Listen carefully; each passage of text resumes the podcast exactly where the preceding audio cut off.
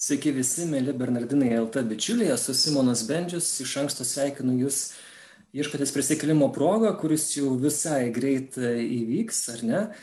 Ir šiandien mes kalbėsim tokią temą. E, prisikėlimas e, yra pati svarbiausia esminė krikščionybės šventė ir kaip liudijama Naujajame testamente ir skelbiama nuo pat krikščionybės pradžios, prieš daugiau nei 2000 metų gyveno toks Jėzus iš Nazareto Jis darė stebuklus, skelbėsi esas pačiu Dievu ir netgi atgimė po savo mirties.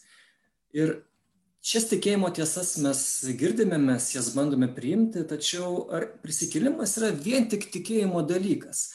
Ar įmanoma šitą įvykį pagrysti protų, istoriniais arba loginiais argumentais? Klausimas iš pirmo žvilgsnio atrodo tikrai sudėtingas, tačiau laimė mes turime Lietuvoje tokį vieną žmogų, vieną turbūt, na, ne, vienintelį, bet vieną, kuris sako drąsiai, taip, tikrai įmanoma pagrysti Jėzos prisikėlimą. Ir netgi prisikėlimas yra turbūt e, pas geriausias, logiškiausias atsakymas į tai, kas įvyko prieš 2000 metų toje krikščionybės pradžioje. Tai va, pagyriau, dabar pristatau, kas jis toks yra, tai Laurinas Jacevičius, iniciatyvos Apologetika LT įkūrėjas. Sveikas, Laurinai. Labas, Simonai, pagiriai, o po to visus nuvilsim, drauge kartu. Gerai, drauge, jeigu ką aš kaltas būsiu. Tai va, Apologetika LT, kas nežinot, tai yra uh, toks projektas, kuris bando būtent logiškai, proto argumentais uh, ginti uh, krikščionybės įvairias tiesas, na, ginti ne, ne kumščiais ir, ne žydinėjimais, bet uh, įvairiais loginiais, istoriniais ir kitokiais argumentais. Kodėl yra protinga tikėti Dievu, kodėl krikščionybė yra teisinga religija ir panašiai. Tai uh, apsilankykite apologetika.lt arba YouTube paskyroje, taip, ir Facebook'e, ir jūs tikrai rasite labai gerų, teisingų dalykų. Dar tik primenu, kad e, turėjom tinklalaidą apie švenčiausią trejybę, taip pat, e, kur joje buvau kalbinęs Lauriną. Um, dabar tik tais, jeigu įvesit e, tai, ko, tai, ko neišgirdai per pamokslą, kas yra trejybė, kaip suprasti trejybę, uh, Tik kit, nuo kitos savaitės vidurio ieškokit, nes netyčia ten išsitrynė šitą laidą, nes aš buvau, dabar yra podbin platformai visos tinklalaidės, o anksčiau buvo kitoje, tai tiesiog baigėsi tas galiojimo laikas ir dėja dingo. Bet yra YouTube, žinau, šitas pokalbis. Tai... Ir, ir trejybė vis dar tebėra, nesvarbu, kad pokalbis dingo. Taip, tai čia yra pati geriausia naujiena. Tai mhm. Tai šitos reikalus techninius sutvarkysim. Gerai, uh, eikim prie reikalo, tai ir taip pat kviečiu ir jūs, mėly uh, žiūrovai ir klausytojai, Užduokit klausimus Laurinui apie tai, e, kas susijęs su prisikėlimu, kas jums galbūt neduoda ramybės, ar ne, kokie klausimai, galbūt iš savo draugų, pažįstamų ar nedraugų girdėjote įvairius tokius e, argumentus, kodėl visi krikščionys meluoja, kodėl Jėzus neprisikėlė ir panašiai, tai galima juos drąsiai juos perduoti Laurinui. Pirmiausia, Laurinas, priminsiu, yra brolis evangelikas iš laisvųjų krikščionių bažnyčios, tai gal kadangi vis tiek jau Velykos jau, jau čia pat, dažnai esame įpratę galbūt mūsų skaitytojai prie to, jog sutinkam Velykas, įdami, nežinau, iš pažinties, na, tom įprastom normaliom sąlygom, aišku, jos dabar irgi yra, yra neblogos tam, e, taip pat vyksta Velyknakčio pamaldos, Velykų rytą taip pat žmonės, netgi tie, kurie nelanko bažnyčios, dažnai ateina O kaip yra būtent tavo aplinkoje, tavo bažnyčioje, kaip tos Velykos sutinkamos? A jau Velykos? Nu taip, nu beveik. A. Gerai, kad, nu, gerai, kad priminiai, reiškia, reikės kaž, kažkur rytoj eiti, gal kažką daryti, nežinau. Um, šiaip uh, evangelika, aišku, skirtingai, tas Velykas visi sutinka, dažniausiai pamaldos vis tiek būna, Velykų dieną kartais ir ne po vienas. Laisvųjų krikščionių bažnyčia, konkrečiai Vilniaus laisvųjų krikščionių bažnyčia turi tokią uh, tradiciją, eiti ant trijų kryžių, kryžių, kryžių, norėjau dar lietuviškesnis negu lietuvis būti visur kirčiuoti paskutinį skiemenį. Eiti ant trijų kryžių kalno Vilniuje ir ten švęsti viešpatės prisikėlimą, eiti e, pakankamai anksti ryte ir susitikti, e, skaityti, klausytis tokio trumpo kaip pasidalinimo iš Dievo žodžio arba pamokslo trumpai tariant ir šlovinimo. Tai tiesiog taip bendrauti, e, būti ir džiaugtis kad viešpats prisikėlė. Mes, aišku, esame labai bibliški čia šitoj vietoj, kadangi, kaip žinai, Simonai ir gal žiūrovai klausytojai irgi žino, tai Biblijai, kur susitikimai vyksta su Dievu pagrindė. Ant kalno. Ant kalno, kalno. Nu, ne, ne ant trijų kryžių kalno tikriausiai, bet aišku, čia yra tokia daugiau, ne, nereiškia, tik ant kalno gali su Dievu susitikti, bet čia tokia kaip uh, graži, tokia uh, simbolika, vadinkim taip. Ir Ir, ir nežinau, kodėl aš noriu pasakyti, kad aš ant to paties trijų kryžių kalno aš pasipiršau savo žmonai. Čia šiaip savo pasakiau. Va, va taip, va. informacija į kairę, į dešinę dalinu. Man čia primena, žinai, vieną tokį prezidentą. E, tai tes, Klaurinai. nu tai va, tai mes kažkaip taip ir, aišku, pernai metais, kadangi Velykos buvo uždraustos beveik, nusprendė mums mm. uždrausti Velykas, Jėzus vis tiek sakė, nu, ta prasme, jis prisikėlė, kaip prisikėlė, tai mes švęsti kaip ir turim, nu tai ir švęsim, nu ir kažkaip švenčiam. Uh, Uh, tai, uh, tai aišku, ten saugiai, visa kita, laukia, uh, su atstumais, nežinau, nežiūrėdami gal viens kitam akis, gal per šoną, jeigu galima žiūrėti viens kitam akis. Per daug kažkaip, nesidžiaugdami. Per daug nesidžiaugdami, tik širdie, sakykim, tai širdie džiaugsmą išgyvendami, bet gėdosim aleliuja ir, ir šviesim viešpatės prisikėlimą. Mm, ir, ir aš jūs... dar čia pasakau, kadangi man reikėjo čia pasakyti, kad aš žiūriu čia, nes man čia yra Simonas šitoj pusėje, o čia jūs esate man, vat, jūs brangus žiūrovai. Ir aš nežinau, ar mums kas nors žiūri, gal Simonas mane apgavo ir aš dabar tik matau jį ir mes dviesi šnekamės, o aš kaip durnelis čia bandau dabar. Tam kad, jo, tam, kad mes nusiramintumėm, kad tikrai mus kažkas žiūri, tai kviečiam jums jau, jūs jau dabar rašyti atsiliepimus ir klausimus gerbiamam prelegentui mūsų. Uh, Laurinai, kodėl yra svarbu ne tik tikėjimu, bet ir nu, kiek įmanoma, kiek sugebame uh, protų uh, prisikėlimo įvykį priimti? Aš pasakysiu dar tokį vieną arba du dalykus, jeigu antrą atsiminsiu, kurį norėjau sakyti, nes labai kartuosi, ką aš noriu pasakyti pačioj, mm. pačioj pradžioje, tada atsakysiu tavo klausimą.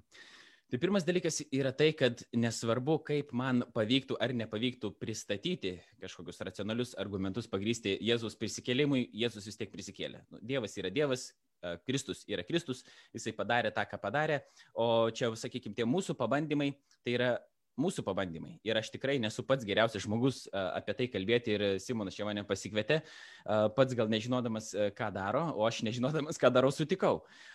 Bet iš tikrųjų tai jokai jokais, bet Dievo įvykis, tai kas įvyko istorijoje, Kristaus prisikėlimas, kuris buvo skelbiamas nuo pat pradžių, arba jisai įvyko, arba ne. ne jisai įvyko, tokį mes turime įsitikinimą, yra argumentų tam pagrysti, aš nebūtinai sugeb, sugebu arba sugebėsiu tai geriausiai padaryti, bet krikščionybė, kaip sakyti, nepriklauso nuo to, kaip aš asmeniškai gerai tą sugebėsiu padaryti. Tai čia pirmas yra dalykas. Antras dalykas, kuris, kurį norėjau pasakyti, tai yra, kad savo tokį vaidmenį čia šiandien aš bandau daugiau įsivaizduoti ne kaip, ir priimti ne kaip kažkokio eksperto, kadangi aš nesu pats istorikas ir kalbėsime mes mhm. nemažai apie istorinius argumentus. Tai, bet matau kaip savo vaidmenį tokį nurodyti į tuos žmonės, kurie yra istorikai, kurie yra e, Naujojo testamento tyrinėtojai, ne šiaip mėgėjai, vadinkim taip, bet kurie turi atitinkamus laipsnius, e, dėsto universitetuose, rašo straipsnius ir panašiai. Tai mintis yra kokia, kad jeigu norėsite daugiau medžiagos, tai tiesiog rinkitės tas pavardės, taip pat užėjkite bernardinai.lt portalą ir ten yra mano straipsnelis, ar galima pagrysti Jėzaus prisikėlimą, nuo kurio beje ir prasidėjo visa apologetikos veikla e, prieš o, kelis metus, prieš keturis. Tai prieš apologetika iš tikrųjų prasidėjo per Velykas. Man parašant straipsnį, tada nebuvo nei YouTube kanalo ir nei Bernardinuose tas straipsnis buvo patalpintas, bet apologetika.lt puslapyje, kuris tada buvo kažkaip perdirbtas, pritaikytas ir po to nu, atnaujintas ir, ir, ir perduotas Bernardinams. Tai tiesiog pažiūrėkit į tą informaciją, nes uh, kokia turėtų būti mūsų dabar pozicija ir nusitikimas, vadinkim taip, laikysena šito klausimu. Nežiūrėti uh, tiem, kurie, pavyzdžiui, norėtų, kad priskelimas būtų uh, pagrystas arba kad jisai būtų tiesa, krikščionims, vadinkim taip, Ne pradėti nuo to, kad, ai, dabar aš tiesiog ieškosiu tos dalykus, kur man patinka, ką Laurinas pasakė ir tada, va, čia liuks ir tik tos laikysios, o kiti iš kitos pusės, kurie yra prieš prisikelimą, prieš gal Kristų kaip istorinį asmenį, dar kažko, jie tiesiog ieškos tam tikrų tokių dalykų, prie ko būtų galima prikipti, ką Laurinas gal pasakė ne taip. Ir tada va, su tuo tik tais išeis. Tai mano kvietimas toks yra iš tikrųjų žiūrėti, o kaip yra į tuos geriausius argumentus, į kuriuos aš tiesiog bandysiu taip bendrai nupiešti ir po to duoti nuorodų ir ten pasižiūrėti, koks, kas ten yra, kaip būtų galima pagrysti. Ir aišku, mano prisikėlimas, mano prisikėlimas, mano susitikimas su prisikėlusiu Kristum, prisikėlimas mano dar įvyks, žinok, Simonai, tu nepergyvenk, tavo irgi. Tai, tai tas susitikimas su prisikėlusiu Kristumi įvyko labai asmeniškai. Ne taip kaip apaštalams, ne taip kaip Pauliui, kuris persikėjo bažnyčią, bet jisai įvyko kažkokiu būdu. Ir pirmiausia, tai nebuvo per argumentus, bet argumentų yra. Tai toks, tokia yra dabar mano įžanga. Argumentai gali padėti iš tikrųjų, jeigu tu tą įtikėjimą jau turi. Bet kaip, kaip vienas iš tikslų apologetika LT yra, kiek žinau, kad na, stiprinti tavo nu, paties žmogaus tą tokį tikėjimą, ne? nes kartais atrodo, kad nu, kartais, kai, kai tokių tų kažkokių argumentų trūksta, šiek tiek gali pasiruoti tas tikėjimas, ar net tu gali nueiti kažkokius tokius jau uh, didesnius sviravimus, ne, ir tai čia tokia kaip na, gera priemonė būti tvirtesniam tikėjimui. Taip, tikrai taip. Ir, ir aš uh, tik tais ta mano, tas mano įvadas neturėjo, aš neturėjau omenyje, kad, sakykime, kad mes išaiškinsim dabar viską. Taip. Jo, tiesiog aš norėjau pasakyti, kad uh, argumentų yra, jie yra geri, jų reikia pažiūrėti ir paieškoti, bet net jeigu argumentai kažkokie atrodo. Argumentas toks yra tiesiog dalykas. Jis gali įtikinti arba neįtikinti. Tas, tas pats argumentas vienas žmogui įtikina, kitas žmogus neįtikina. Ir kaip Naglis Kardelis, Lietuvos filosofas, sako, pirmiausia, ko reikia, reikia atviros širdies Dievui ir tada jau Dievas ras būdą prie tavęs, prie tavęs prieiti. Aišku, argumentai yra labai naudingi ir reikalingi. Tai viena, kažkaip paruošti tokią dirbą evangelizacijai arba evangelijai um, bendrai to žodžio prasme, kad žmonės pamatytų, kad mes nekalbam apie Harry Potterį, ta prasme, kažkas, kas jam ten įvyko, arba kažkokius um, mitinius, sakykime, pagonių dievus, kur ir jie neturėtų būti priimami kaip nu, tiesioginė to žodžio prasme, kas su jais ir kaip įvyko. Uh, tai ne apie, tą, ne apie tą mes kalbame ir kad žmonės nu, priimtų tai, kad va, čia yra iš tikrųjų rimtas, rimtas e, protų grindžiamas, vadinkim taip, pagrindas, kadangi Dievas yra, yra davęs mums protą. Ir antras dalykas, kad krikščionis taip pat neturi atmesti e, proto, kadangi mums yra pasakyta, kad mes turime mylėti viešpatį savo Dievą ne tik jėgom, sielą ir širdimi, bet ir protų. Tai to proto negalim dėti dėžutę ir, ir net pirmam laiškė romiečiams yra parašyta, kad Dievas vat, iš kūrinijos mums apreiškia, kad jis yra ir mes mąstydami apie tą kūrinį galim prieiti prie tam tikrų išvadų. Ir, ir čia buvo netgi pirmaisiais amžiais krikščionys sprendė tą klausimą, ką mums daryti su filosofija graikų. Ir kaip jie galėjo tiek daug suprasti apie Dievą ir apie pasaulį, neturėdami prieškimo. Ir galiausiai buvo toks prieitas, nu, toks konsensusas, vadinkim taip, kad e, vis dėlto nereikia atmesti filosofijos, nes visa tiesa yra Dievo tiesa, kad ir kur jinai bebūtų. Ir protas taip pat padeda ją pamatyti, bet apreiškimas mums duoda, nu, tokį, vadinkim, pirminį tokį šaltinį, tokį tiesiogiškesnį. Ir net žmogus tas, kuris e, neskaito, vadinkim, knygų, nesidomi, galbūt ne, neieško jokių argumentų, vis tiek jam Dievas uh, prakalba, nes Dievas apsireiškia vadinkim taip, nu, kad krikščionybė prieinama yra absoliučiai uh, visiems, bet uh, tas protas taip pat yra labai svarbus. Tai mes apie tą ir bandysim dabar pakalbėti. Tavo klausimas buvo, tavo klausimas buvo susijęs su, su tuo, ar reikia priimti, nu, kiek svarbu yra ne tik tikėti, bet ir protu, kiek įmanoma priimti prisikėlimų įvykį. Tai mano supratimu, tikėjimas ir protas nėra du atskiri dalykai. Nu, žmonės dažnai taip sako, va čia yra, tu čia tiki, reiškia kažkaip tiki tarsi širdimi, kažkokią savo emociją, tave paliečia kažkokią emociją, tu neturi jokio argumentų, tu neturi jokios priežasties tikėti, bet tu tiesiog tiki. Nesvarbu, ką protas apie tai galvotų, mąstyti, tiesiog protą padidė į stalčių ir tada tiki. O kitas dalykas yra tada, jeigu tu jau protų kažką supranti, tai reiškia, tu netiki, bet tu žinai. Nu, man atrodo, kad čia yra šiaip didelė problema, nes tikėjimas yra pasitikėjimas tuo, kuo turi pagrindo tikėti. Bent jau taip, biblinis tikėjimas yra suprantamas. Tikėjimas nėra kažkoks, vat, netgi kaip naujieji ateistai, kurie dabar jau, sakykime, yra nuėję nuo bangos, sakydavo, kad uh, tikėjimas tai yra, ką tu darai, kai nėra jokių įrodymų, arba netgi kai tu galvoji, kad kažkaip yra, kai yra visi įrodymai priešingai. Tai va čia yra mm. Bet čia nėra biblinis tikėjimas. E, čia, mes neturim tokio supratimo. Ne? Mūsų tikėjimas yra atsakas, asmeninis atsakas į Dievo teikiamą prieškimą. O protas čia dalyvauja šitoje vietoje. Dalyvauja nu, visi mes, mūsų visa esatis. Ir šiaip žydai neturėjo senovės to tokio supratimo, kad vat, pro, va čia yra mąstymas vyksta, o čia kažkoks tikėjimas užgimsta. Ne? Tai širdis buvo visų ir emocijų, ir intelekto, visų minčių, tavo mąstymo centras ir visa kita. Tu širdie apmastai, širdie savo sprendimus priemi ir visa kita. Um, tai, vis, tai tie dalykai yra persipinę tai aš negaliu sakyti, kad vat, nu, tada tik, e, prisikelimą reikia kažkaip tik tais tikėti širdimi, galvoti, kad taip, nu, nėra, arba iš vis negalvoti, nes apdruk taip nėra. Čia tokia lietuviška interpą pasakiau. Ir, um, ir dabar po to užmiršau, ką be pasakiau, tą sakinę pradžią sakydamas. Bet mintis mano yra kokia, kad um, mes esame atskyrę protą ir širdį, sakom, kad širdim tikim, ta, tarsi, o protų mastom ir tada žinom, bet čia yra nesąmonė iš tikrųjų mes, kai atsakom į tai, ką viešpats mums yra apreiškęs ir kokios yra tikėjimo tiesos, mes taip pat ir protų turim pritarti, kad prisikėlimas įvyko. Tačiau tai nereiškia, kad mes turim suprasti kiekvieną mechanizmą to prisikėlimo. Taip pat kaip ir trybės mechanizmo mes negalim suprasti. Dievas yra virš mūsų, ne? Ir mes esame riboti, mūsų protas yra ribotas, tai nereiškia, mes negebam mąstyti dėl to, kad mes gebam, kadangi Dievas yra mūsų sukūręs pagal savo atvaizdą ir jis mums yra, nu, vadinkim, tai pasėjęs tokio savo logos sieklų, to žodžio sieklo ir mes galim atpažinti tiesą pasaulyje, mes galim protauti, nes mes protaudami mastom, sakykime taip, Dievo mintis po jo, kaip yra sakė irgi senovės, e, netokios jau ir senovės, bet e, filosofai ir, ir, ir mąstytojai.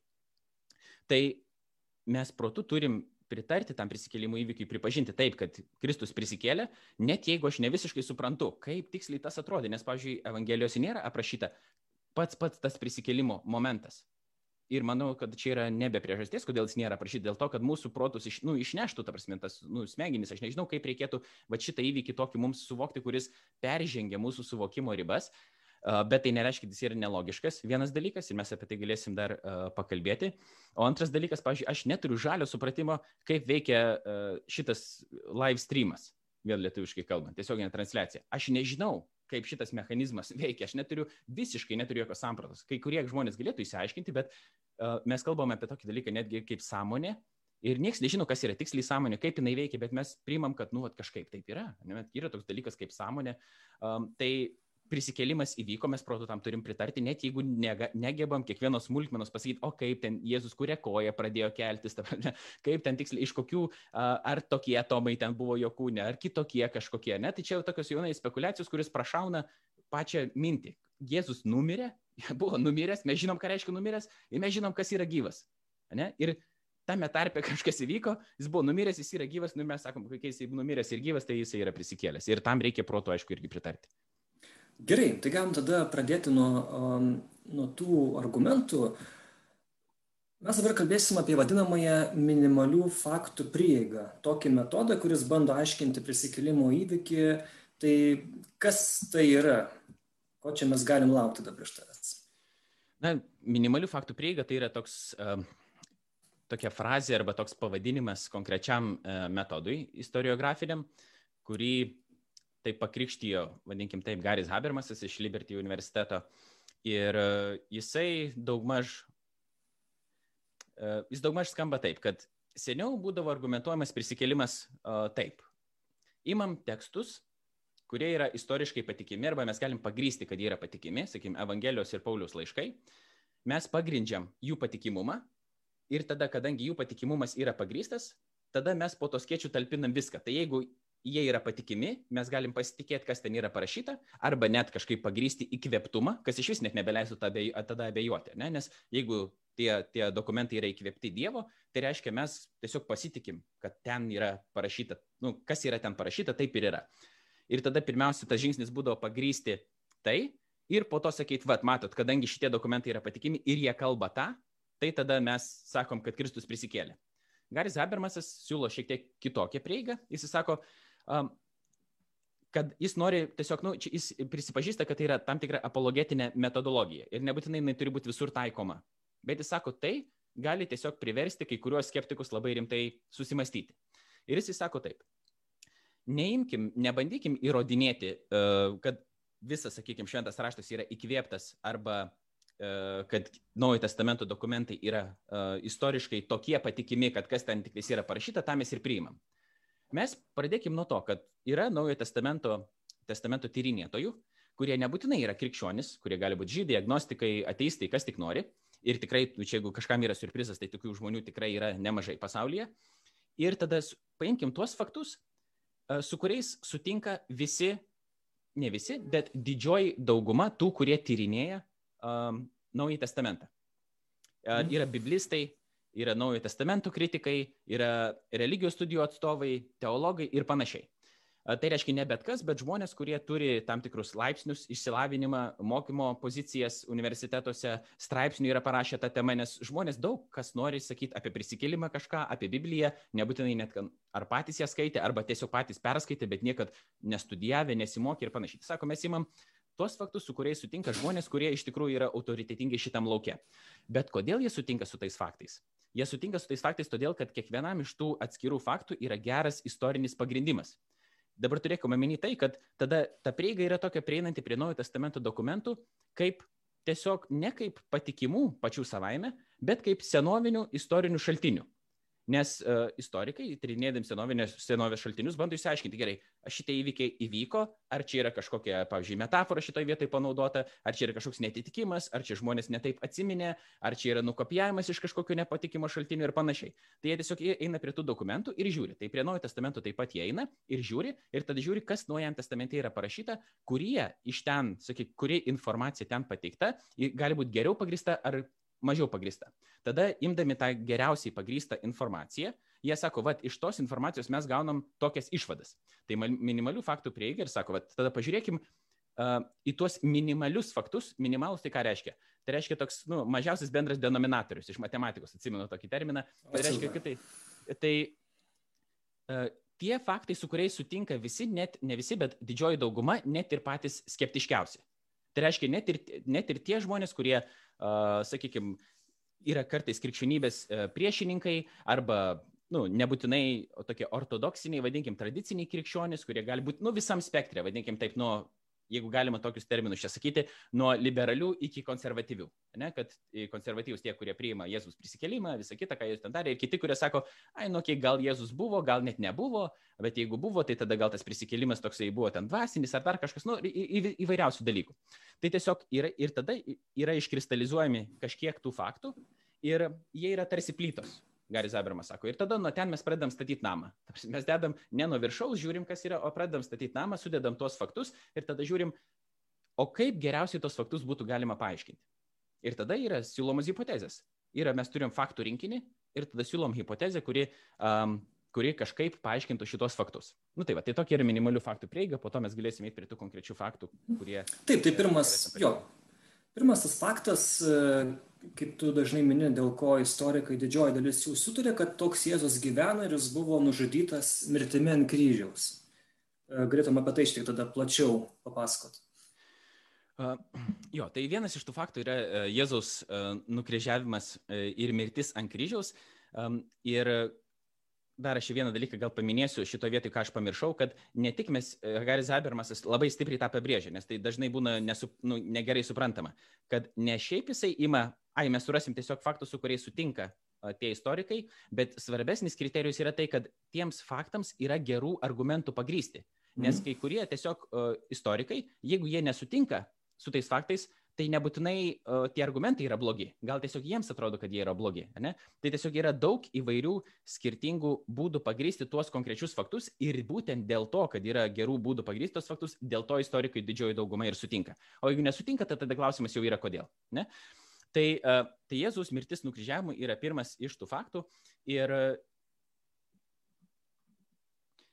ir mes uh, žinom tai, nes uh, yra tiesiog gerų priežasčių taip manyti. Yra, pavyzdžiui, Bartas Ermanas, jis yra nelabai draugiškas tikrai krikščionybei. Jis buvo krikščionis, evangelikas, po to suabejojo krikščionybę ir po truputį, po truputį, po truputį atsitraukė nuo jos, kol galiausiai tapo ateistų, kuris labiau linksta į, tiksliau, agnostikų, kuris labiau linksta į ateizmą. Jam didžiausia problema, jis pradėjo nuo to, kad kadangi buvo mokytas, kad Biblijoje nėra absoliučiai jokių prieštaravimų ir negali būti, jisai kai pamatė, kad, sakykime, čia yra parašyta taip, pavyzdžiui, kai moteris rado kapą tuščią, tai tada ar ten buvo vienas angelas ar du angelai. Ir jis negali priimti, nu, ta prasme, jis sako, čia nėra kaip suharmonizuoti šitos vietos, tai reiškia, nu, čia jau yra netitikimas. Ir jeigu čia yra netitikimas, tai tada, nu, Biblija reiškia nėra patikima, vadinkim tai, iš principo. Nu, čia yra problematika tam tikra šitoje vietoje, bet tada po truputį tai, tai, tai atitraukia į nuo krikščionybės, bet didžiausia problema jam yra e, ta tradicinė kančios ir blogio, jeigu Dievas yra geras ir visagalis. Tai čia yra pagrindinis iš tikrųjų dalykas, o, o, o ne, o ne uh, pati, uh, nu, pati Biblija. Tai tikriausiai nėra ir Bartas Hermanas yra vienas iš tų žmonių, kuris nors ir būdamas skeptiškas krikščionybė ir musulmonai labai dažnai mėgsta jį cituoti, dėl to, kad jisai yra, sakykime, toks, nu, vat, gali sukritikuoti krikščionis, pats buvęs krikščionimi, krikščionimi. Čia yra ironija tam tikra, kadangi Bartas Ermanas sako, kad Jėzus mirtis nukryžiavimu yra vienas iš geriausiai pagristų senovės istorijos įvykių. Ta pati sako Ir Džonas Dominikas Krosonas, kuris tikrai nėra irgi taip pat tradicinės krikščionybės draugas, jis kažkur būtų tame religijos sferoje, bet um, jisai yra vienas iš Jėzaus seminaro įkūrėjų. Jėzaus seminaras uh, 90-metį, 20 amžiaus žmonės susibūrė, grupė mokslininkų, kurie sako, davai mes patikrinsim, va tokį žodį ir pavartoju, davai, sako, mes patikrinsim, kaip... Taip ir pasakė. Jo, taip ir sakė, aš viens prie vieno. Ir e, patikrinsim, kurie tiksliai žodžiai Jėzaus uh, Evangelijose uh, yra jo žodžiai. Arba kurie momentai tikrai įvyko. Ir tada jie pasirinko spalvas, kuriomis žymėjo, va čia tikrai įvyko, čia galbūt įvyko, čia tikrai neįvyko. Ir jie, ta prasme, tai pradėjo dėlioti viską. Nu, jis irgi yra skeptiškas, vadinkim taip. Ir jie būdų sako, kad Jėzus mirtis ant kryžiaus yra istoriškai tikra ir taip jie traktuoja. Ir čia problema yra musulmonams, nes Korane parašyta, kad Jėzus ne, jie nenukryžiavo, tik taip jiems pasirodė. Nu, taip yra parašyta tiesiog Korane. Tai reiškia, čia jau būtų tokia kaip, nu, jeigu tai yra vienas iš geriausiai pagristų istorinių įvykių ir ne tik krikščionys taip teigia, ir tai tam yra gero, gero pagrindimo, tai tada tai kelia problemų islamui šitoje vietoje, ne, kuris sako, kad ne, tai yra jų e, neįkvėptas, ten įkvėpimo doktrina islamė yra visai kitokia. Ir nebūtinai, ir kiti žmonės sako, kad štai gal Jėzus tiesiog jis, e, na, buvo, gal, gal jis nenumirė ant to kryžiaus, gal jį... Tai pasakykit, tai pas, paskui nuėmė. Paskambinkit Bartui Ermanui ir, ir Džonai Dominikui Krosonui ir paaiškinkit uh, jiems tą. Nu, mes galėsim tą, tą pasakyti, bet iš principo, kodėl jie taip irgi sako, uh, yra tai dėl to, kad uh, nukryžiavimas, kodėl dabar jie taip galvoja, kad taip yra. Uh, Nukryžiavimas yra pateikiamas kiekvienoje iš Evangelijų. Kodėl tai yra dabar mm. svarbu? Tai yra keturi skirtingi šaltiniai. Čia jau dabar neįsime tas detalės, kas iš ko skolinosi, kas kuo rėmėsi ir panašiai, nes yra, ta prasme, nu, vat, Lukas kažkokiais praeit, buvusiais šaltiniais irgi rėmėsi, Morkaus Evangelija yra paremta dažniausiai sutariama Petro liudijimu ir panašiai. Kiti sako, postuluoja ten tokį šaltinį, kuris vadinasi Q, iš kurio irgi skolinosi evangelistai, nors to šaltinio niekur nėra, tiesiog taip sako, kadangi persidengia kai kur medžiaga, reiškia, jie skolinosi iš kažkokio tam tikro šaltinio. Bet iš principo tai vis tiek yra autoristė, yra skirtinga. Uh, irgi čia nesvarbu, ar ten kokia buvo redakcija, kiek ten žmonių dirbo prie tų šaltinių ar ne, čia jau yra tokia krit, kritinis, tas, ta prasme, metodas, bandant nu, teksto kriticizmas. Ir, bet jis yra minimas nukryžiavimas kiekvienoje iš keturių evangelijų. Tai reiškia, kad jau ket, keturis skirtingus šaltinius mes čia turim. Bet jis yra patvirtinamas ir nekrikščioniškų šaltinių. Dabar, kodėl žmonės dažniausiai man sako, nes aš ketvirtadienį kalbinau žmonės gatvėse, gatvėje, Vilniaus gatvėse, taip reikėtų sakyti, apie, um, apie prisikėlimą. Ir e, kai aš tik užsimindavau apie Evangelijas, tai toks būdavo, kad, ai, nu, tipo, ką tu čia man skėdi, ta prasme, nu, nekrikščioniškų šaltinių, nekrikščioniškų reikia. Nu, bėda yra kokia, kad Bartas Ermanas, Džonas Dominikas Krosonas, kiti, ten Geza Vernesas, e, kiti, kurie irgi nebūtų krikščionys, ne, kurie būtų arba bent jau netradiciniai krikščionys, tie, kurie nepriimtų prisikėlimo kaip tikro įvykio, jie vis tiek tos šaltinius ima kaip baziškai, pat, nu, negaliu sakyti, ne, čia neteisingai būtų sakyti baziškai patikimus, bet jie prieina prie jų kaip prie istorinių šaltinių ir kodėl Evangelijos, bet pirmiausia, Pauliaus laiškai, Pauliaus laiškai yra laikomi, arba Paulius kai kurie teiginiai, arba kas yra parašyta pas Paulių, yra laikoma kaip geriausi ir ankstyviausi Kristus prisikėlimo liudijimai. Ir po to Evangelijos taip pat. Tai čia yra mūsų geriausi šaltiniai. Paulius ir Evangelijos o ne krikščioniški ateina tik vėliau. Ta prasme, jie, jie nėra pirminiai šaltiniai. Kodėl jie nėra pirminiai? Dėl to, kad jie yra ne liudininkų, vadinamų ne eyewitnesses, jie yra toliau, nusakykime, atitolę nuo visų šitų įvykių ir dėl to, paprasčiausiai, nu, dėl šitų istorinių priežasčių jie nėra tokie geri, bet vis tiek ten yra nukryžiavimas patvirtinamas. Žydų istorikas Juozapas Flavijus patvirtina nukryžiavimą, Tacitas romėnų istorikas, graikų satiristas Lucianas iš Samosatos žydų talmude galima išskaityti liktai kažką tokio panašaus apie Jėzus uh, nukryžiavimą uh, ir panašiai. Ir šiaip... Bet kodėl, kodėl nu, nukryžiavimas jisai baigdavosi mirtimi būtinai? Uh, gerai, mes nebuvo įmanoma išgyventi kažkaip jo. Nes čia yra, krikščionybė yra labai svarbu, nes teigia, kad Kristus mhm. numirė, tikrai numirė ir paskui tikrai prisikėlė. Mhm. Aišku, mes turim tik pusvalandį laiko, čia mes labai dabar išsiplečiam, bet uh, tiesiog... Mes tik pusvalandį turim. Kodėl? Pusvalandį galim kalbėti. Tai va, tai va, jo, reikia taip neišsiplėsti. Mes jau pusvalandį, pra... mes jau 2-9 minutės kalbam. Nu tai va, įsivaizduoju. Nu tai aš tada, mes tik prie vieno faktorio, tik tai prieisim, uh, bet uh, kodėl tai yra svarbu, kodėl, kodėl uh, teigiama, kad negalima, kad Jėzus iš tikrųjų numirė ir negalima išgyventi, sakykime, to nukryžiavimo, tai yra tai, nu kad teoriškai galbūt galima, bet nėra jokių dokumentuotų įrodymų, kad kas nors istorijoje būtų išgyvenęs pilną romėnišką nukryžiavimą. Tai reiškia tai, kai Jėzus patyrė pilną romėnišką nukryžiavimą nuo pat pradžių, netarsi nebuvo kažkur vidury, ten už valandos nukeltas dar kažkas, bet buvo pilnas procesas įvykdytas. Ne? Nėra jokių įrodymų, kurie taip mums leistų taip manyti. jau vien iš medicinės perspektyvos tai yra neįmanoma, jeigu mes turime omeny, kas yra nukryžiavimas. Nukryžiavimas yra prikalimas, ne taip, prie, um, prie to tokio skersinio, prikalamos tavo kojos, prikeliamos tavo rankos, iš karto pradedi dusti, net nereikia, kad tai prikaltų, jeigu tai pririša taip, tu po keliolikos minučių yra daryti tyrimai, kad žmonės praranda sąmonę, tokiai mhm. pozicijai būdami. Jeigu yra įkaltos vinis, aišku, yra begalinis skausmas, kadangi kalama tarp nervų, nu čia jau neįsim į debatus, čia kalama ir čia kalama yra, um, bet um, žmonės, tada tie, kurie yra nukryžiuoti, jie turi kilnuoti save, kad galėtų įkvėpti. Ir tai yra nuolatinis be galo didelis skausmas. Ne?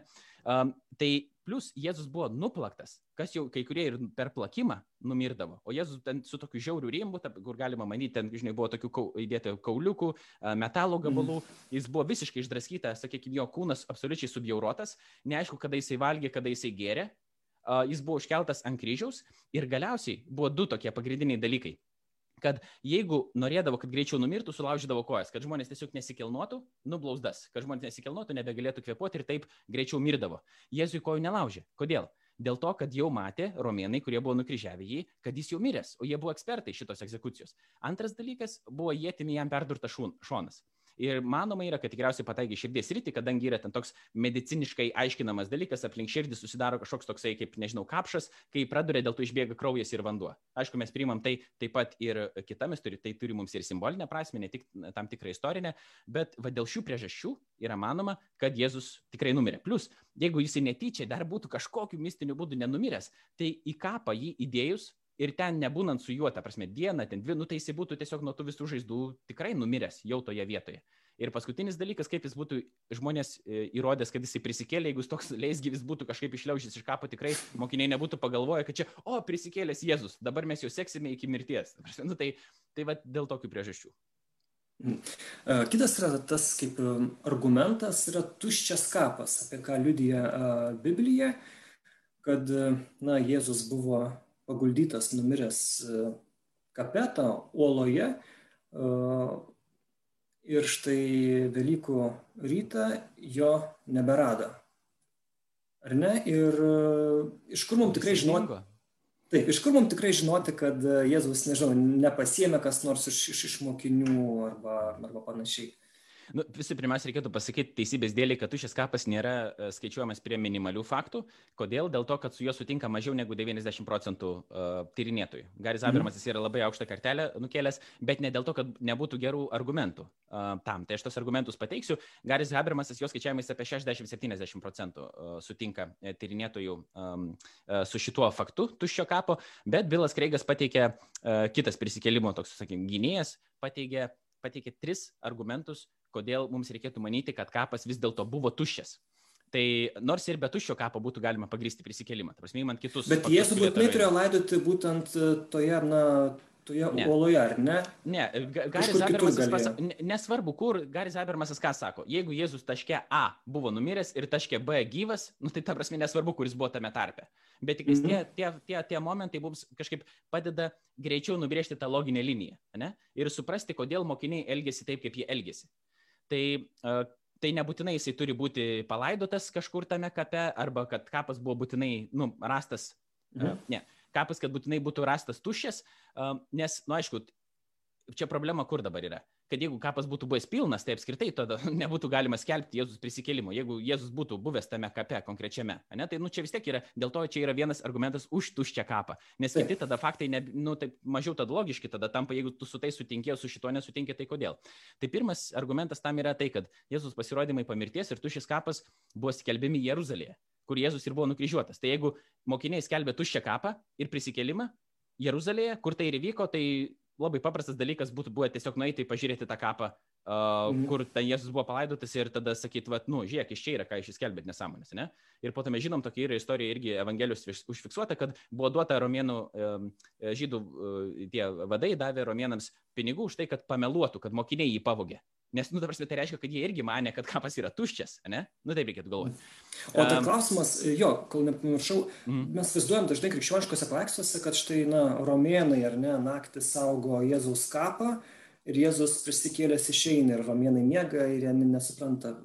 Čia, kiek čia, nežinau, gal žinai, kiek čia istoriškai tikrai turėjo saugoti romėnai Jėzaus kapą? Nu, taip yra parašyta Evangelijose, ne? tai mes čia priimam jau kaip uh, krikščionys pasitikėdami daugiau um, šventuoju raštu negu kad kritiniai uh, mokslininkai. Tai taip, taip, taip. Nes romėnų saugojimas, tu šia, uh, ta prasme, to kapo, um, kiek aš esu girdėjęs, tai nebūtinai faktas buvo. Ta prasme, tai ir tai nebūtų skaičiuojama prie minimalių faktų, kad būtinai romėnai saugojo uh, tą kapą. Ne, mes tai, nu, aš aišku, kaip krikščionis, aš turėdamas kitų papildomų priežasčių tikėti šitom, šitom istorijom, pasitikėti jomis, aš priimu, kad, nu, kad, nu taip, taip kaip parašyta, taip ir buvo. Ir aišku, ne tik krikščionis galėtų sutikti, bet čia jau sakau, argumentacija prasideda. Vieni sako, o čia yra gerų argumentų ir aš būdamas nekrikščionis nu, manau, kad romėnai saugojo kapą, kiti sako, oi čia yra per mažai gerų. Dėl to į minimalių faktų prieigą šitas dalykas neteina. Bet um, logika saugojimo kapo tam, kad, nežinau, kad kažkas neteitų, ne, nepaimtų to kūno. Vat, nu, čia nebent, man... aš, e, nu, čia nebent nebent galėjo būti tokia, kad, e, nu, kadangi Jėzus buvo labai charizmatinis lyderis ir jisai, kodėl buvo nužudytas, ne, kad jisai, daug kas bando pasakyti, kad dėl to, kad kėlė Romos imperijai kažkokiu problemu, iš tikrųjų, man atrodo labiau, kad jisai kėlė, jo teiginiai kėlė problemų aplinkiniams žmonėms, ypatingai religiniams lyderiams, kad jis teigia, kad jis yra Mesijas Dievo sūnus ir jisai savo pritaikė Dievo Jahve mhm. vardą. Ir jis sakė, aš esu tas, kurį Mozė sutiko krūme, aš esu um, tas, e, kurį matė, apie kurį kalba Izaijas, aš esu tas, kurį matė e, Danielius ateinantį uh, debesise ir taip, ir taip toliau. Ir buvo jisai, na, nu, aišku, po to jisai suirutę tokį šiek tiek sukėlė ir, ir, ir sakykime, tame Romos uh, imperijos valdomame uh, pasaulėlyje, bet Poncijus pilotas netgi bandė kažkaip jį išsukti kažkokiu to momentu, nu, taip, to, žodžiu, kaip sakyt, pasidavė. Kad nekiltų neramumų kažkokių, tai... Čia taip, aš manau, kad taip galima spėti, nes čia būtų visiškai okay spekuliacija, kad teoriškai taip yra įmanoma, kadangi Jėzus nebuvo šiaip kažkoks bahuriukas, ta prasme jisai ten jau buvo sukėlę šaršalo normaliai aplinkui. Tai galbūt nu, taip. taip galėjo būti. Ok, kitas argumentas jau už tą tuščią kapą. Um, Evangelijos įminima, kad Jėzų palaidojo Juozapas iš Arimatėjos. Jis buvo aukščiausios žydų tarybos Sinedriono narys. O pirmą tuščią kapą pamatė, pirmus tuščią kapą pamatė moteris. Ir yra labai maža tikimybė, kad Jėzus, ankstyvieji krikščionys būtų išsigalvoję um, tą tuščią kapą, Matėzus buvo nukryžiuotas Sinedrionui reikalaujant. O vienas iš tų narių, ta prasme, jį ir po to yra rašoma, kad, nu, Jėzus, viens teo, iš teorinių Jėzus priešininkų po to jį ir laidojo. Nu tai nebūtų norė, norima duoti jiems svorio, sakyti, ai vis dėlto yra tenais ir gerų žmonių, sakykime, tame, e, tame sinedrione. O kitas dalykas, kad uh, moteris, moterų yra irgi tas disputas, uh, kiek moterų liudijimas buvo patikimas ar nepatikimas. Vieni sako, kad buvo galima moteriams liudyti, kiti sako, kad nelabai, bet toks konsensusas yra, kad vis dėlto moterų liudijimas buvo pakankamai problematiškas, didžiaja dalimi atveju. Tai jeigu krikščionis būtų norėjęs sugalvoti tą istoriją, jie tikrai nebūtų pasirinkę moterų. Būtų ėjęs koks nors Petras, ten Jokūbas ar dar kažkas prie, prie šito kapo. Um, ir, ir jie būtų, nu, kad tas liudijimas būtų priimtas kaip teisingesnis vyrų tokių, nu, mačio, mačio liudijimas. O pirmiausia, jos pamato moteris. Uh, ir patys apaštalai po to sako, žiūrėkit, ką čia moteris, žinai, pasakas man pasakoja, mm. tu patys nepatikėjo jie. Tai šitas dalykas, čia vadinasi angliškai criterion of embarrassment, sugėdinimo kriterijus. Tai reiškia, kad jeigu informacija pateikta ten yra gėdinga tau, ta prasme, tai kam tau ją rašyti? Jeigu tu kuri istoriją, tai tada, nu, dėk tik tos faktus, kurie, nu, dėk tik tokius duomenys, kurie tave privers parodyti geriau, o ne blogiau. Um, Trečias yra, kad šitas pasakojimas atitinka istorinius tokius kriterijus kaip daug ankstyvų ir nepriklausomų liudininkų šaltinių, tarp kurių yra priešininkų patvirtinimai, kaip aš jau minėjau, kai žydai su, su, su romėnais ten kalbasi, tie žydų lyderiai, nes nu, reikia turėti omeny, kad nėra kažkokie žydai, nes Jėzus pats buvo žydas ir Jėzus pirmieji mokiniai buvo žydai. Um, ir kitas dalykas, kad tuščio kapo pasakojimas nėra įvilktas į kažkokį teologinį drabužį.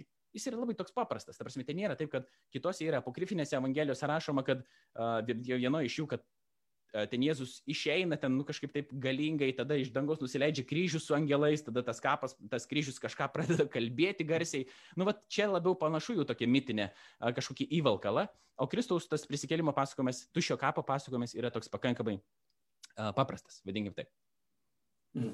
Dar tik reiktų paminėti trumpai, kad visi tie apokrifai, apokrifinės evangelijos nepatvirtintos pirmųjų krikščionių, jos buvo parašytos kur kas vėliau negu būtent tos evangelijos, kurias mes turim. Tai irgi vienas iš tokių argumentų labiau pasitikėti uh, keturiomis šitomis evangelijomis, kurias, uh mhm. -huh. kurias mes šiandien skaitom. Uh, taip, kitas dar vienas toksai uh, kriterijus, ar ne, vienas iš tų argumentų minimalios faktų prieigos, tai būtų daug žmonių, kurie pamatė Jėzų po mirties, ką liudyja vėlgi mūsų minimos Evangelijos. Ir ne tik Evangelijos. Pirmiausias tekstas čia yra svarbiausias pirmas, pirmas laiškas korintiečiam 15 skyrius.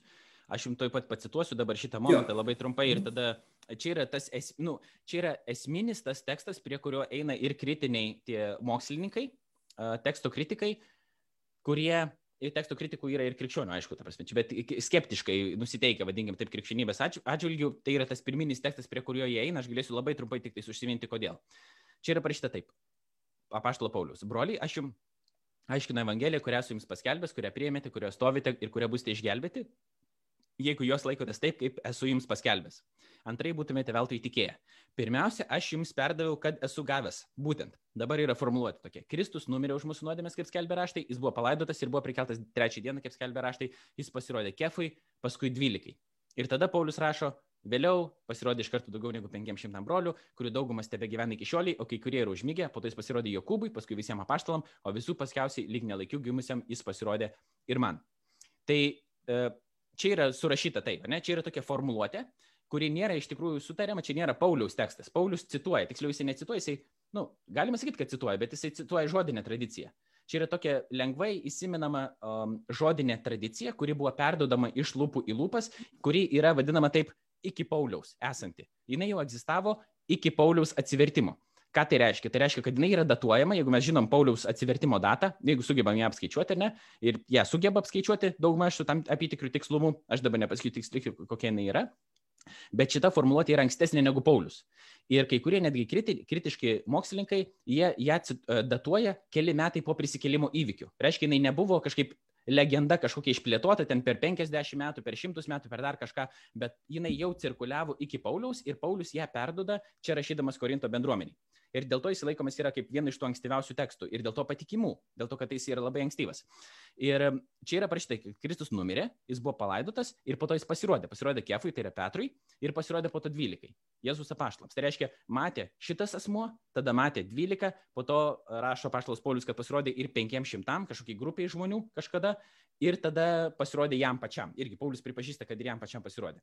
Tai čia yra vienas tik iš tų. Aišku, Evangelijose mes skaitom papildomai, kad jis pasirodė ir mokiniams kelyje Mausą, ir moteris ten matė, ir, ir kiti apaštlai, ir um, Tomas e, apaštlas po to parkrito, pirmiausia netikėjęs Jėzų pagarbino kaip viešpatį ir Dievą ir panašiai. Tai tiesiog mes turim šitokį faktą, su kuriuo sutinka dauguma irgi kritiškų mokslininkų, kad mokiniai, čia reikėtų taip e, jį formuluoti, daug žmonių, bet pirmiausia Jėzus mokiniai, teigė, matė Jėzų prisikėlusi. Jie nesutinka, kad ten iš tikrųjų buvo prisikėlęs Jėzus, bet jie sutinka, kad mokiniai iš tikrųjų turėjo kažkokias patirtis, kurios privertė juos manyti, kad Jėzus yra prisikėlęs. Tai čia vienas iš tų faktų ir jisai skyla į du iš tikrųjų. Nes kitas faktas yra tai, kad ne tik mokiniai matė, bet matė ir Jėzus priešai. Tokie kaip apaštlas Paulius, kuris mes jį žinom pirmiausia kaip uh, Sauliaus iš Tarso vardu, judėjo, kuris persekėjo krikščionis ir jam pasirodė prisikėlęs Jėzus, dėl to jis buvo priskaitytas irgi prie apaštalų, nes apaštalas yra tas, kuris yra sustikęs prisikėlusi Jėzų irgi, ir po to Jokūbas. Um, čia jau irgi tarp konfesinis ginčas, brolis, pusbrolis, kas jis ten toks buvo, giminaitis. Jokūbas, paprastumo dėlį sakom, giminaitis, kuris irgi buvo skeptiškas Jėzus atžvilgių, jis irgi atsivertė. Prasme, šitų jie ne tik, tai va dabar kitas faktas jau yra iš to plaukiantis, kad jie ne tik teigė matė Jėzų prisikėlusi, bet jo gyvenimai buvo transformuoti. Ta prasme, jie ne šiaip sako, o, prisikėlė, toliau einam, ta prasme, žvejojam, e, visą kitą darom. Ta prasme, nu, Petras žvejojo iki tol, po to, kol Jėzus atėjo, prisikėlė, sako, ką tu čia dirbi. Um, ir atstatė jam tapatybę. Bet uh, tie žmonės, kurie buvo pakrikę, išsigandę, pabėgė nuo kryžiaus, liko kelios moteris, Jonas tik tais liko vienas iš apaštalų, ar ne ten prie kryžiaus, o visi kiti pabėgo. Petras iš vis, norėjau nu, lietuvišką žodį sakyti, vapšė išsigynė. Um, ir jie iš tokios grupė žmonių pasimetusios, nesuprat, galvojusios, kad sekė netikrą mesiją, netikrą gelbėtoją. Dabar jau laukia, kol jie ten bus pasodinti į kairę, į dešinę, ten prie Dievo sostų, ten vis, visokios ten svajonės, oba mes važiuojam, pamatė, kad, nu, viskas numirė, visos viltis žlugo ir po to iš tokios pakrikusios bendruomenės jie tapo drąsių skelbėjų grupe, kurie pametė viską, tiesiog ėjo ir tai skelbė ir kai kurie iš jų ėjo iki mirties. Čia ir klausimas, kiek jų ėjo iki mirties, bet nu, istoriškai galima pagrysti taip drąsiai, kad bent atrodo trys. Tarptų, ten, man atrodo, bijau sumaišyti dabar tiksliai kurie, bet uh, irgi yra dar, daromi tie tyrimai. Um, e, po to ten dėl kitų kelių yra pakankamai gerų įrodymų, dėl kitų yra tokie abejotini. Ne? Tai nereiškia, taip nebuvo, nes tradicija perdoda, kad tai buvo, bet grinai taip griežtai istoriškai vertinant, tai va tada dėl trijų yra geriausi įrodymai, po to dėl kelių yra tokie, nu, pak, pakankamai geri, bet nėra tokie geri kaip dėl pirmo, kiti yra abejoti. Ne? Nu tai va, tai mes turim tokią tą situaciją ir klausimas yra tada, kaip reikia paaiškinti. Kodėl, jo, kodėl, jie, kodėl jie neįsigalvoja šitą prisikėlimą? Nu, ar nebuvo prie, prie, prieš tai, ar ne, ne, nebuvo tam tikrose žydų grupėse na, prisikėlusio mesijo tam tikras laukimas ar tam tikrai idėja, nes tų žydų grupių buvo įvairiausių. Buvo, pavardė. Netikėjom žinojo gyvenimo kiti, netikėjo ar ne, sadukėjai, fariziejai ir, ir, ir, ir panašiai. Fariziejai ir visa kita. Jo, fariziejai buvo ta grupė, kuri e, priemė um, ir angelų buvimą, ir, e, aišku, prisikėlimo e, realybę. E, sadukėjai tai ne, įvyko ten ginčas, kad, nu, ta prasme, jie netikėjo prisikėlimu kažkokiu. Reikalas dabar koks buvo, kad e, žydų mąstybė nesvarbu kokio, e, kokią tu grupę paimtum, nebuvo koncepto mirštančio ir prisikeliančio mesijo. Čia ne mano yra žodžiai. Viljamas e, Leinas Kreigas tai sako ir labai žinomas gerai irgi prisikelimo ir Naujojo testamento, sakykim, tyrinėtojas yra N.T. Wrightas, kuris taip sako, kad uh, nebuvo tokio koncepto, kad žydai turėtų, kad buvo mesijas ateis, jisai numirs ir jisai prisikels. Tarsi, nu, čia ne, jiems dėl to mušė saugiklius, dėl to daug kas negalėjo patikėti to, ką Jėzus daro, nes jis jiems biški kategorijas pervertė ir sako, ar ne dėl to jūs klystat, kad jūs patys iškreipėt raštus savo pražučiai. Sako, jūs galvojat, kad labai gerai viską suprantat ir tada jam biški Jėzus pradėjo kategorijas laužyti. Ne? Dėl to visi tokie buvo pasimetę, kas čia dabar vyksta. Bet tai čia vienas dalykas. Antras dalykas, tas prisikėlimas, apie kurį kalbėjo, tos grupės, arba, tai, nu, sakykim, tie žydai, kurie tikėjo prisikėlimu, tai buvo prisikėlimas mirusiųjų, kūniškas, bet laikų pabaigoje. Ką tai reiškia, kad jau, vat, kai Dievas ateis viso pasaulio teisti, visą kitą, tai jisai, uh, tai įvyks prisikėlimas visų istorijos pabaigoje, o ne vieno kažkokio konkretaus žmogaus istorijoje. Tai reiškia, prisikėlimas turėjo būti toks eskatologinis įvykis pačioj pabaigoje ir visų kartu. Ir, o krikščionis priėmė, kad, nu ne, jie vis dar tiki, kad vyks laikų pabaigoje prisikėlimas, bet sako, Jėzus yra šito prisikėlimo pirmą vaizdis. Ir jisai nėra vien tik tais žmogus, jis yra tikras žmogus ir tikras Dievas. Ir jisai dėl to, sakykim, jis, jo prisikėlimas įvyko istorijoje ir vidury istorijos. Tai jie negalėjo tiesiog šito dalyko įsigalvoti, nes jie tiesiog to netikėjo. Ir jiems nebuvo jokio tikslo to išsigalvoti, dėl to, kad tai ėjo tiesiog prieš plauką, vadinkim taip, ir prieš srovę. Prasme, jie net nei tokio lūkesčio turėjo. Uh, ir tada aplinkui visi po to, kas jau vyko ir taip jiems buvo nelabai gerai, ir dar su tokia nepopuliaria žinia eiti, ir plus ne tik žydų tarpe nebuvo tokio supratimo, ne kad prisikels vienas žmogus istorijos vidury, bet ir pagonių.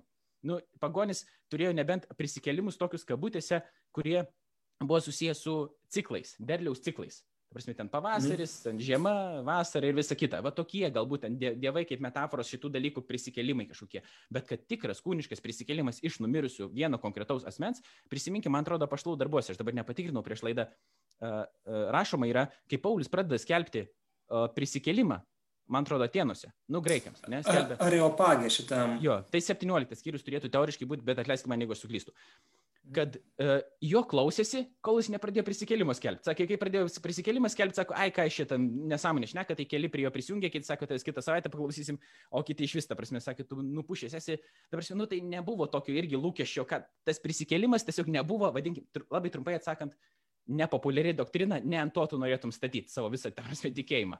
Ne ant kažkokio numirusio ir po to prisikėlusio uh, žydo pamokslininko, uh, kuris neaišku, ar turėjo kur gyventi, ta prasme, ir, ir, ir nu, ant, ant jo tokio vat, gyvenimo, mirties ir, ir prisikėlimo įvykių. Kaip, bet kitas, ką kritikai tenka, na, girdėti, kad, na, žinai, kai, kai, kai tu esi dideliam šokį, dideliam liūdėsi ir tu kažką tokio pamatai, kas primintų Jėzų, na ir tada tu ir įsigalvoji, kad štai aš jį mačiau, jis su manim kalbėjo ir panašiai, prikuri tam, kad, kad tu jausmės pats geriau. Ir, ir dažnai daug būnagi žmonės, tarkim, kad jie tikrai teigia, kad aš, aš tikrai mačiau šitą arba aną žmogų, ar ne, net ir uh, būna, kad e, kai numiršta artimas, brangus žmogus ir kartais vos tokios halucinacijos žmonėm būna, ar ne, kad štai aš jį ten mačiau kažkur. Ir, ir, ir, ir paskui tu tuo tiki tą skelbį. Ir... Nu, visų pirmiausia, tai e, čia viena toks jokingas man gal, gal pusiau jokingas dalykas atėjo į galvą. Nu, ar tu atsimeni kokį nors, kuris... Ne, čia gal ir atsimeni, čia gal ir bus toksai. Tai nelabai jokingas. Gal norėjau sakyti, kas, e, nu, ar yra kas nors, kur pamatė halucinaciją ir po to skelbė, bet yra, yra, yra žmonių, kurie pamatė halucinacijas ir arba ne halucinacijas, tai... arba kažkokį susitikimą, žinai, apturi ir tada skelbė, ko tik nori, ar Elvio, žinai, vis... ar Raelio. NSO apsireiškimai, ves nu, taip, tai, tai yra netgi tokia, yra tokia religija, raelininkų, kur ant kalno, žinai, apsireiškia tam tikras ateivis e, vienam vyrukui, po to jis padarė iš to religiją, aišku, labai su ta religija daug moterų jam atėjo. Nu, ir tai pasakė, e, kaip reikia interpretuoti Bibliją. Tai gerai, čia tada toks, ne nuo to reikia mums pradėti. Mintis kokia yra, kad tikrai toks dalykas, kaip tu sakai, jisai egzistuoja. Kiek man yra tekę girdėti ir žmonės matė ar nematė irgi būna skelbę, ne tam tikrus dalykus, um, bet tai yra tam tikras psichologinis fenomenas, kuris tikrai, sakykime, nu, įvy, gali įvykti. Dėl to, kad kai žmonės uh, patiria tam tikrą skausmą, liūdėsi, didelį jie gali pamatyti, ar ne, tą žmogų. Čia net neinant į antgamtiškumą, nes mes gal sakytumėm dar gal, nu, prasme, kaip antgamtė veikia, ne, gal ten yra kažkoks, nu, demonas gali apsireikšti kažkaip, nu, apsimesti, žinai, dar kažkuo. Bet mes einam tiesiog nu, paprastai kol kas, apie paprastus dalykus tos kalbam, tokius um, kol kas tokiam natūraliajam pasauliu. Tai uh, kokios yra dvi problemos su to susijusios? Kad jeigu teoriškai ir būtų buvę, nu, jeigu teoriškai tai yra įmanoma, ir, pavyzdžiui, Petras išsigynęs Jėzaus, jisai, kai kurie skeptikai tą sako, Petras išsigynęs Jėzaus, jam buvo labai liūdna, jis norėjo kažkaip tada, kad, nu, susitaikyti su tuo įvykiu, dėl to jam, kadangi jam buvo taip labai liūdna, tada jam, nu, jisai pamatė tą Jėzus halucinaciją kažkokią ir tas jį nuramino kažkaip, galbūt net Jėzus jam kažką ten pasakė toje halucinacijoje ir panašiai. Uh, jeigu net tai būtų įmanoma, sakykime, nu, mes priimam tokį, uh, mm. tokį argumentą, kokios yra dvi problemos. Kad vienas dalykas yra tai, kad tas halucinacijas turėjo matyti ne tik Petras, daug žmonių. Ir Petras, ir kiti apaštalai turėjo matyti tą pačią halucinaciją, reiškia, jie turėjo būti lygiai tokiam pačiam mentaliniam stovyje, kad jie matytų šitos pačius dalykus. Čia vienas dalykas, tai yra skirtingi asmenys, kurie matė. Kitas dalykas, kad yra raportuojama, kad matė keli šimtai žmonių vienu metu. O masinė halucinacija nėra istorijoje dokumentuota tokio dalyko, kad būtų įmanomas nu, masinės halucinacijos įvykis. Nes halucinacija kas yra? Tai yra tam tikras va, tavo mentalinė projekcija tai jinai reiškia tavo, tavo galvoje vyksta. Mm. Tu matai ją, tai kiti jos nemato. Prasme, tai nėra kažkokia objektyvi realybė. Tai, tai šitas, nu, tai tiesiog negali šito paaiškinti, kaip galėjo turėti žmonės masinę halucinaciją. Ir trečias dalykas yra, nors sakiau, kad bus du, tai trečias dalykas yra, kad uh, Saulis ir Jokūbas neturėjo jokių priežasčių jie, ta prasme, mąstyti, nu, kažkaip liūdėti dėl Jėzaus, Saulis kaip tik persekiojo. Ir jis, tai reiškia, jis irgi tokia pačia dėl kažkokių priežasčių halucinaciją pamatė. Ir dar ketvirtas dalykas man šovė galva, kad jie skelbė ne, kad, nu, kažkokie viziją pamatė ar dar kažką, bet jie pamatė Jėzų kūnų ir yra prašoma Evangelijose, kaip jisai valgė. Tarsi Jėzus valgė uh, normaliai ten žuvytę, viso kito čirškino. Ir, nu, jisai sako, jūs galvojat, kad, nu, kitaip pagalvokit, gal čia vaiduoklis yra, kas čia jam yra atsitikę, o jisai parodė, kad ne, vis dėlto, kad tai yra, nu, jisai yra kūnų atėjęs ir, ir tas kūnas, jeigu jisai valgo, nu, ta prasme, reikia manyti, kad jisai nėra halucinacija. Bet čia irgi minimalių faktų prieiga, šitas ne, neįeitų dalykas, ne kažkokia jo ta gynyba, bet šitie dalykai, kuriuos aš dabar paminėjau, tai um, jie yra daugmaž priimami dabar ir skeptikų, kodėl? Nes prieš dar kiek Garis Abermasas sako, prieš kokį 30, gal 20 metų, dar 15, kažkas tokio, dar būdavo tas naturalistinės hipotezės teigiamos. Nu, pavyzdžiui, halucinacijų teorija, kad pavoktas buvo kūnas iš kapo ir panašiai. Ir sako, dabar, pastaruoju metu, aš nesenai klausiau jo interviu, jis sako, kad tik tais kažkur 25 procentai tų tyrinėtojų dabar eina prie naturalistinių hipotezių. O kodėl? Dėl to, kad jos tiesiog yra prastos jos negali paaiškinti visų šitų faktų mūsų turimų, tai ką dabar daro, tai žmonės arba jas kombinuoja kažkaip visas kartu, arba dažniausiai, kas sako, nu mes nežinom, kas čia atsitiko tiksliai, ta prasme yra tokie faktai, mes liekam agnostikais. Ir iš vis istorikas net neturėtų kažkaip postuluoti, net negali postuluoti, kad galėtų įvykti kažkoks vat, toks antgamtinis įvykis. Mhm. E, čia tas e, minimalių faktų prieigos ketvirtas argumentas, būtent čia tu daug ir paminėjai, tas netikėtas krikščionybės e, sprogimas, išplitimas po Jėzaus mirties. Tai, bet aišku, mes vėlgi žinom įvairių tų atvejų, kai naujai religiniai judėjimai arba sektos visokios labai irgi greitai išplinta ir daug sekėjų susilaukia. Kom čia krikščionybė, jeigu dar kokių yra tokių argumentų, kuo jis skiriasi? Na, matai, tada. Nes, nes ir kitų religijų pasiekėjai, jie taip pat ir eina iki galo, jie sutinka būti nužudyti dėl savo tikėjimo, dėl savo lyderio, ar ne? Nu gerai, tu dabar pasakyk čia du skirtingus dalykus. Į tą antrą aš iš pirmiausia sureaguosiu, kadangi jis greičiau ateina į galvą. Mm. Žmonės tikrai dažnai, čia labai dažnai žmonės nesupranta šito, ta prasme, to argumento iš to, kad gerai, Jėzus mokiniai ne tik teigia, kad matė jį prisikėlus, bet ir buvo pasirengę dėl to numirti. Bent jau kai kurie iš jų. Taip galim pagristai sakyti. Sako, tai ir daug įsitikinimų, įvairių įsitikinimų žmonės. Dėl komunistinių gali mirti, dėl kokių nors, nežinau, ten humanistinių, dėl krišnaistinių, dėl kokių tik nori, ne? Koks čia yra dabar esminis skirtumas? Žmonės, kai miršta arba yra pasirengę mirti dėl šitų įsitikinimų, jie yra pasirengę mirti dėl to, kad tiki, kad tai yra tiesa. Taip. Neaišku, ar tai yra tiesa. Tarsi jiems taip atrodo, kad tai yra tiesa.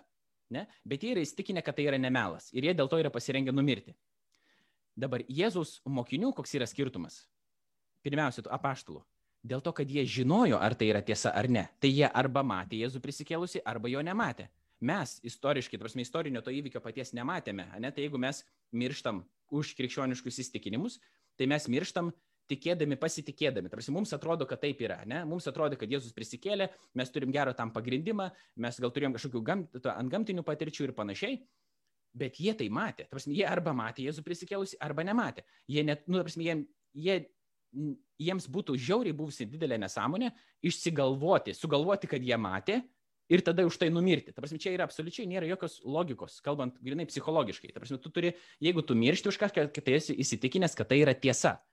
Tai jie, uh, jie žinojo, kad tai yra tiesa. Ta prasme, čia jau nekalbant apie, žinai, o kitų uh, ir mes dabar esantis toliau nuo to įvykių ir kokio nors kitos, sakykime, pasaulyje žiūros atstovų mirtis už tai, tai yra tam tikras, nu, vat, manimas, kad taip yra su tam tikrų gali būti pagristumu arba nepagristumu, bet mes, nu, nematėm paties to įvykio, o jie matė. Jie matė ir jie žinojo, ar jie išsigalvojo, ar jie neišsigalvojo. Tai čia yra pirmas dalykas. O antras dalykas, kodėl yra skirtumas, iš dėl to yra tai, kad, nu, dažnai naujai religiniai judėjimai, jeigu pažiūrėsi naujos religinius judėjimus, pirmiausia, tai uh, jie ten turi tokius savyje aspektus. Nenoriu čia kažkaip šaržuoti, bet dažniausiai tai būna. Um, yra kažkoks charizmatinis lyderis, kuris turi dažnai prieigą kažkokį ypatingesnį prie daugo. Ir jeigu tai yra vyras, dažnai turi prie moterų prieigą tam tikrą, galite, nu, tarsi, pažiūrėti, dažnai tai būna įvairiuose religiniuose judėjimuose. Jisai yra nekvesionuojamas uh, autoritetas, tie žmonės, kurie yra toje religijoje, tame judėjime, jiems yra žadami, nu, mat, kažkokie dalykai, kurie ir šitam gali būti gyvenime labai, nu, geri, sakykime, išsilaisvinimas ten iš kažkokių problemų, ne, ar gal pinigai, gal dar kažkas, kažkam aišku būna ir e, tokių, nu, pomirtinių yra pasiūloma tam tikrų, uh, tam tikrų dalykų, bet kai yra pomirtiniai tie dalykai pasiūlomi, tai nu, mhm. nesulaukia tokio didelio pasisekimo, vis tiek tos, tos, tos religijos, pirmiausia. Uh, jeigu jos ne kažkokiu nu, vadinkime taip, nesmurtu yra, yra skleidžiamos, nes krikščionybė smurtu nebuvo skleidžiama pačioj pradžioj bent jau, ne po to, kas ten įvyko, kokių, kokių dalykų ir kaip ten čia mes neįsim į kryžiaus karų ar ten dar kažko, sakykime, tas, tas diskusijas, bet pačioj pradžioj krikščionybė buvo persikėjama žydų sekta. Tai ir jinai labai greitai tapo, ko ne visuotinė Romos imperijos religija. Kokio trečio amžiaus, ketvirto amžiaus pabaigoje jau jinai legalizuojama, po to jinai, sakykime, yra taip priimama, su tuo ateina tam tikros kitos problemos.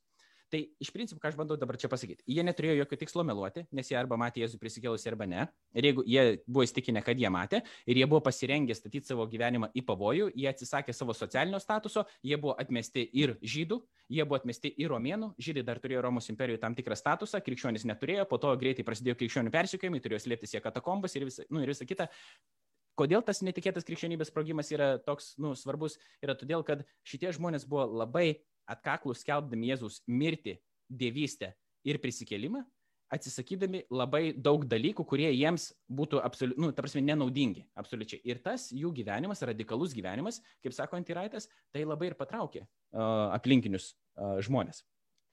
Nu, trumpai tariant, jų įsitikinimas prisikėlimu buvo labai labai labai stiprus.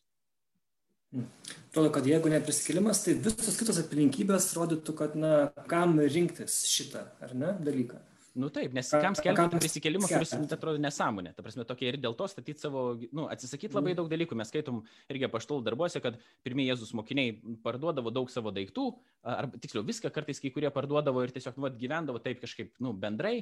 Čia aš ne apie mm. socializmą kažkokį kalbu, bet, bet iš principo, nu, kad jie būdavo pasirengę dėl bendruomenės labai daug ką aukoti ir, at, ir atiduoti, kiti savo statuso atsisakydavo socialinio ir, nu, tiesiog, jau nekalbant apie tai, kad statydavo savo gyvenimą gyvybei pavojų. Taip, Laurinai, jau mes turime beveik 7 valandas, bet dar yra du klausimai, kuriuos mhm. uždavė mūsų žiūrovai. Tai pirmiausiai, Agne klausia, gal yra tyrimų atlikta, kiek daug reiktų pateikti įrodymų, kad netinkintis patikėtų? Ar tai nelabai susijęs su įrodymais, o tik su žmogaus atvira širdim priimti informaciją? Nu, čia labai sunku įlysti į žmogaus galvą ir, sakykime, sakyti, kaip jis yra nusiteikęs, ne? mes tik priimam žmogų už jo žodžius, ką jisai pasako. Jis pasako, man tiek įrodymų reikia arba tokių reikia, bet, nu, kokia dabar yra problema dažniausiai. Kai paklausi skeptikų, kiek tau reikėtų įrodymų, na, nu, aišku, tyrimų tu čia nepadarysi, nes klausimas yra visų pirma, kas yra uh, konkretus įrodymas ar argumentas ir čia žmonės debatuoja, sako, čia yra įrodymas, vienam kitam sako, čia yra neįrodymas. Nu, tai dėl to yra sunku, pas, tu negali pasakyti skaičiaus, 13 turi įrodymų, tai jau žmogus tiki, ket, netiki, tai 14 pridedi, tai jau tada tiki. Nu, ne, čia ne visai taip, čia ne visai taip veikia šitoje vietoje, bet dažniausiai, ką aš esu girdėjęs per debatus, kai, jo, kai paklausė, o kas tave įtikintų, pavyzdžiui, ar Dievas yra, o kas tave įtikintų, ar Jėzus prisikėlė, jeigu čia šito konkrečiu atveju, tai dažniausiai atsakymas, nu, toksai surprizas, bet yra toks, kad, nu, realiai nelabai kas įtikintų. Arba sako, aš nežinau, kas mane įtikintų.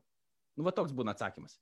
Nes ir iš ko tai plaukia, tai dažniausiai plaukia iš, yra toks irgi e, terminas, iš naturalizmo. Tokios pozicijos, kad tiesiog stebuklai yra neįmanomi ir dažniausiai yra remiamasi Davidu Humu, kuris sakė, kad nesvarbu, kiek būtų uh, liudyjimo kažkokiam stebuklui, stebuklas visada bus mažiau tikėtinas už bet kokį naturalistinį paaiškinimą.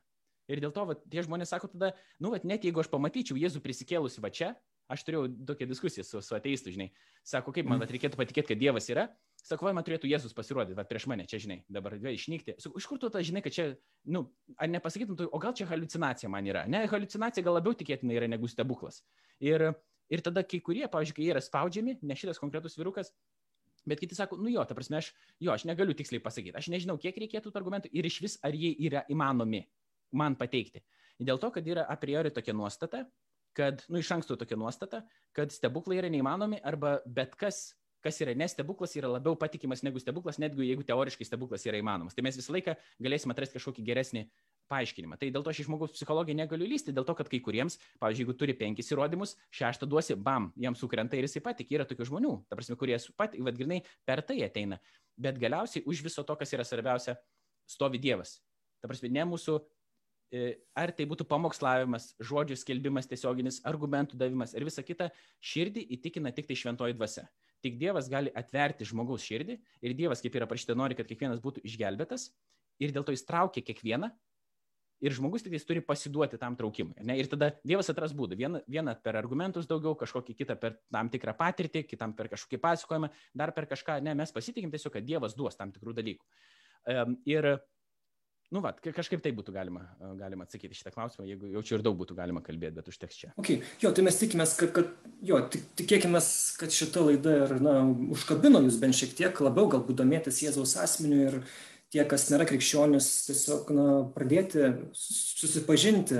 Yra tikrai įvairios ir literatūros, ir, ir ta pati apologetika, LT galima ten taip pat daug sužinoti įdomių, naudingų dalykų apie krikščionybę. Galų gale galite ateiti, nežinau, pas savo bendruomenės kleboną arba į parapijos puslapį tiesiog ir tikrai visi padės e, ir, ir, ir, ir suteiks tos papildomasias arba papasakos jums daugiau apie Jėzų, apie krikščionybę.